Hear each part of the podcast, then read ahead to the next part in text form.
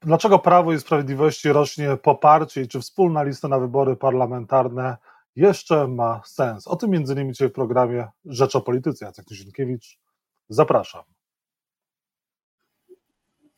Państwa i moim gościem jest Paweł Kowal, poseł Koalicji Obywatelskiej, y, były wiceszef MSZ. Dzień dobry. Dzień dobry. Dlaczego Prawo i Sprawiedliwości rośnie poparcie, a Koalicji Obywatelskiej Platformie spada? No nie wiem, czy rośnie Prawo i Sprawiedliwości. Y, nie wiem, czy w ogóle warto, ale właściwie inaczej. Wiem, jestem pewien, że nie warto tak się znowu ekscytować każdym kolejnym sondażem. Także ja przyjmuję te sondaże, przyjmuję do wiadomości, a potem zbieram się i jadę na następną wizytę. I tak już parę miesięcy, i tak zamierzam spędzić czas do wyborów. Jeżeli jakiś polityk, któryś polityk chce realnie wpłynąć na e, kampanię wyborczą i na rezultat wyborczy, to szczerze mówiąc, mam dla niego jedną radę ubierz człowieku jak zimno kalesony, jak nie, to może tak e, lżej się ubierz, pojedź, pospotykaj się z ludźmi, to jest najlepsza odtrutka na ekscytowanie się sondażami. No ale to może pan e, źle prowadzi te spotkania, w złych spotkaniach uczestniczy, bo Prawo i Sprawiedliwość ma 34% ponad poparcia w najnowszym sondażu Rzeczpospolitej, a Platforma Obywatelska 24%. No coś tutaj jednak dzieje się na waszą niekorzyść. Może stąd też e, ten entuzjazm dużo mniejszy. Dosłownie, dokładnie to wygląda tak, że PiS 34,3, Koalicja Obywatelska 26,4, a w wariancie, gdyby Polska 2050 szła z PSL-em na jednej liście, to wtedy PiS ma 34, Koalicja Obywatelska 25,5, a e, Polska 2050 i PSL 15,3. Zapraszam pana na moje spotkanie, to pan oceni. Ostatnio e, frekwencja była naprawdę dobra, po kilkaset osób e, i w Katowicach, i w Rzeszowie, i wcześniej w, w promocji książek też e, mocno obstawione. Ludzie przychodzą, chcą rozmawiać, chcą rozmawiać o polityce, o strategii, o bezpieczeństwie i naprawdę najlepszym sposobem prowadzenia kampanii w tym świecie e, Facebooków, Instagramów, Twitterów jest po prostu pojechać, pospotykać się z ludźmi, posłuchać ich też, wiedzieć, które sprawy są najważniejsze. No cóż, z tego wynika jedna rzecz wszędzie słyszę jedno, idźcie jedną listą, także to mam tylko do powiedzenia naszym partnerom w opozycji. To jest czas walki o zasady w Polsce, o to, żeby Polska nie była autorytarnym państwem, żeby w Polsce można było w normalnym trybie decydować o najważniejszych sprawach i porządnie wydawać pieniądze. Chcemy tego, no to jest ostatni moment na to, żeby wspólnie skonstruować jedną dużą listę opozycji, tak żeby ten wybór był klarowny. Nie myślę, że tego najbardziej, jeżeli chodzi o wybory, ludzie czekają. A mówią, o czym mówią? Mówią o cenach, mówią o inflacji, e, mówią o złodziejstwie na szczytach władzy. To są rzeczy, których można posłuchać na każdym spotkaniu. I oczywiście bezpieczeństwo, wojna, jak się przygotować na jakieś negatywne scenariusze. Mówią też o Janie Pawle, Pawle II, który jest e, atakowany również przez Platformę Obywatelską, Koalicję Obywatelską, jak możemy usłyszeć w TVP. A, myślałem, że. Wie pan, co nie oglądam e, TVP, ponieważ w TVP. Ale taki przekaz dochodzi do dużej części Polaków. Nie. Z tego, co, z tego, co słyszę, co widzę w przekazie, na przykład w mediach społecznościowych, akurat, bo tam jest sporo informacji o tym, co było w TVP, to podejrzewam, że to dzisiaj jest szatańskie narzędzie i że mm, jeśli ktoś w Polsce sieje zamęt i roz, rozsiewa kłamstwo, to to może, to mogą być niektóre media rządowe. Podejrzewam także TVP o to, że jest narzędziem w rękach e, czarnoksiężnika i zupełnie na poważnie nie chcę mieć z nimi nic wspólnego. Ich owoce ich działań są znane. E, ostatnio szczucie na e, chłopaka, który wiemy jak się skończyło, nie chcę o tym już publicznie mówić, wszyscy znają tę sprawę, także ja traktuję poważnie to, to zło, które wyrządzają wyrządza większość mediów publicznych, rządowych i myślę, że zmiana w Polsce zacznie się od zmiany tych mediów. Tak? To jest konieczne absolutnie. Jeżeli chodzi Dziennikarze o.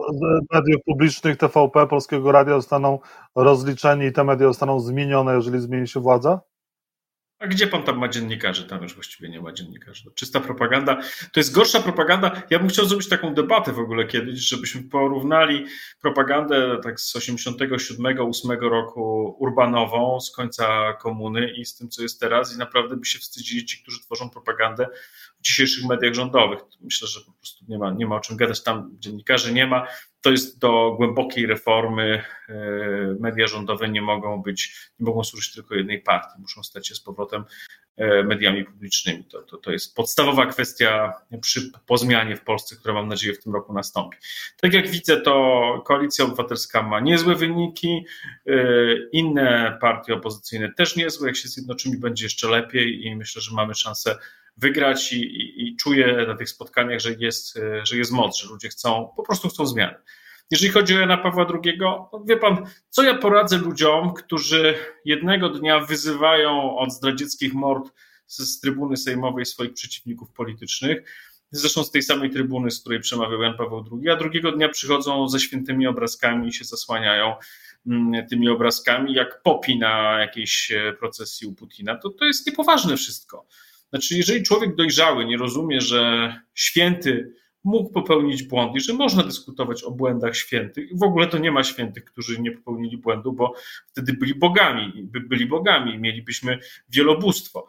No ale tłumaczenie tego ludziom, którzy są zacietrzewieni, którzy chcą każdą sprawę, każdej rzeczy użyć e, do swojej kampanii wyborczej, nie ma większego sensu, więc specjalnie nie zamierzam już pisowcom tego tłumaczyć, biorą to na swoje sumienie, na swoje sumienie zapisują, próbują zapisać Jana Pawła II do, e, do swojej partii, a ja im powiem tak, ludzie rozsądku, e, którzy nie należą do PiSu, nie dadzą sobie zabrać tej pamięci i, i tej, po, tej postaci jako jednej z najważniejszych postaci w historii Polski i bez wątpienia jednej z, kluczowej, z kluczowych postaci dla obalenia komunizmu w skali światowej.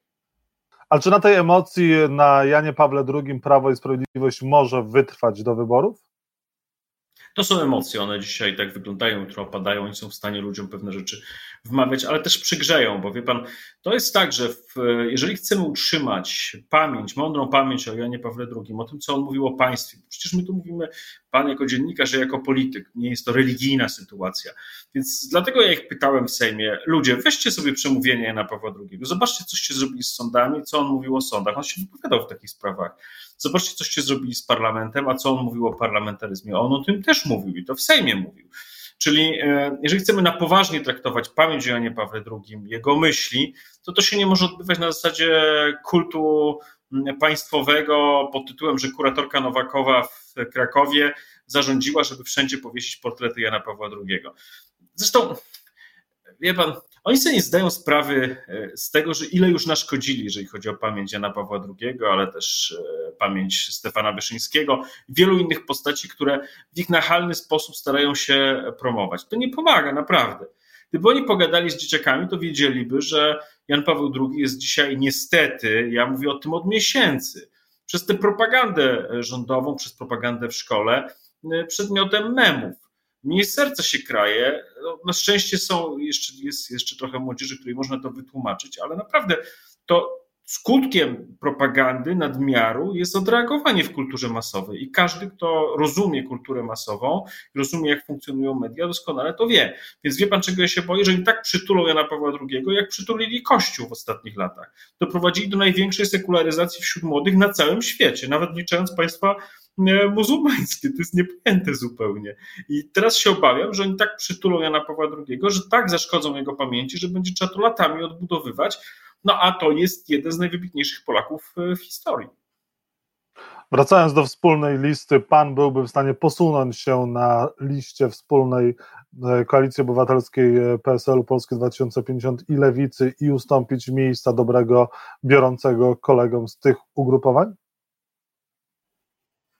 Wie pan, ze mną to w ogóle nie ma problemu, bo ja nie jestem ani posłem zawodowym, ani nie, nie pielęgnuję tego zwyczaju, żeby zawsze być posłem. Mogę być posłem, mogę, potrafię sobie świetnie wyobrazić e, czas, kiedy nie jestem posłem.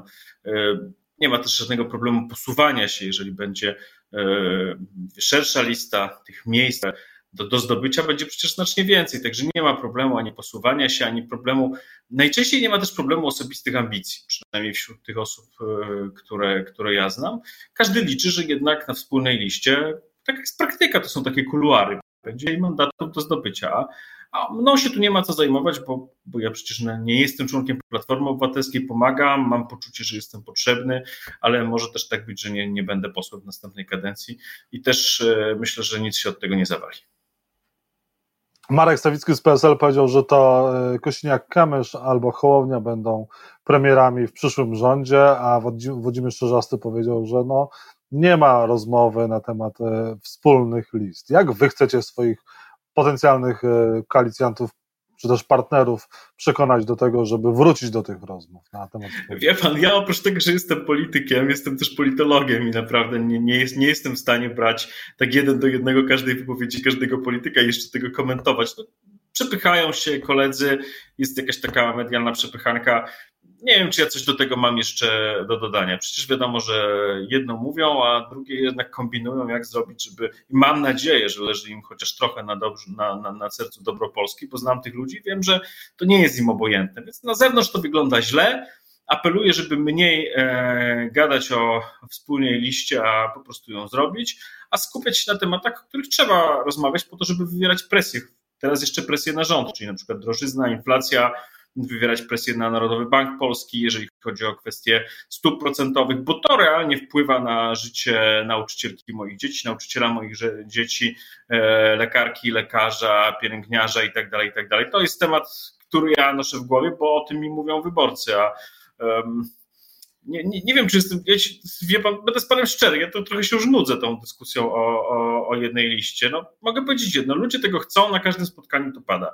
My wychodzimy z ofertą, jest oczywiste, że może nie, nie jakieś super tajemnice znowu zdradzę, że na wspólnej liście to zawsze więcej traci ten większy, bo musi się troszkę bardziej posunąć, więc ja nie wiem, w czym jest problem.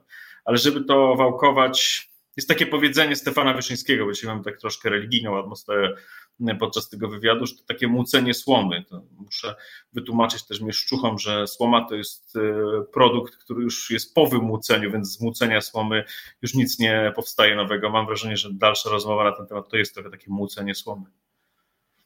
W takim razie przejdźmy do, do, do geopolityki. Co może wyniknąć dla świata ze spotkania prezydentów Rosji i Chin? Nie wiem, czy coś takiego już wyniknie.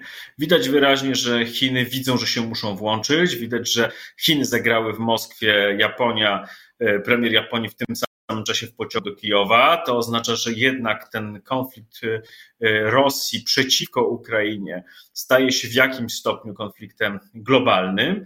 Widać, że Stany zmobilizowały Zachód, że każde słowo wypowiedziane przez Bidena w Warszawie miało głęboki sens i pokrycie w rzeczywistości, no bo wczorajsza transza pomocy finansowej mm, ze strony Unii Europejskiej ogłoszona przez Borela. To jest duża rzecz, naprawdę duża rzecz, e, a dokładnie przedwczorajsza, bo to, to, to, to wczoraj to podano tylko szczegóły, ale w rzeczywistości wiemy już, że mamy 2 miliardy mm, dodatkowo euro i jeszcze trzeci punkt mówiący o tym, że trzeba zwiększyć e, produkcję, czyli szykuje się więcej. To znaczy, że coś, co bym określił jako plan Bidena, myśmy zresztą chyba kiedyś o tym rozmawiali, realnie działa. Czyli Biden ma plan, żeby do końca tego roku, a właściwie do jesieni, zamknąć tę wojnę, w tym sensie, że Ukraińcy dochodzą do swoich granic, rozpoczynają się realne negocjacje.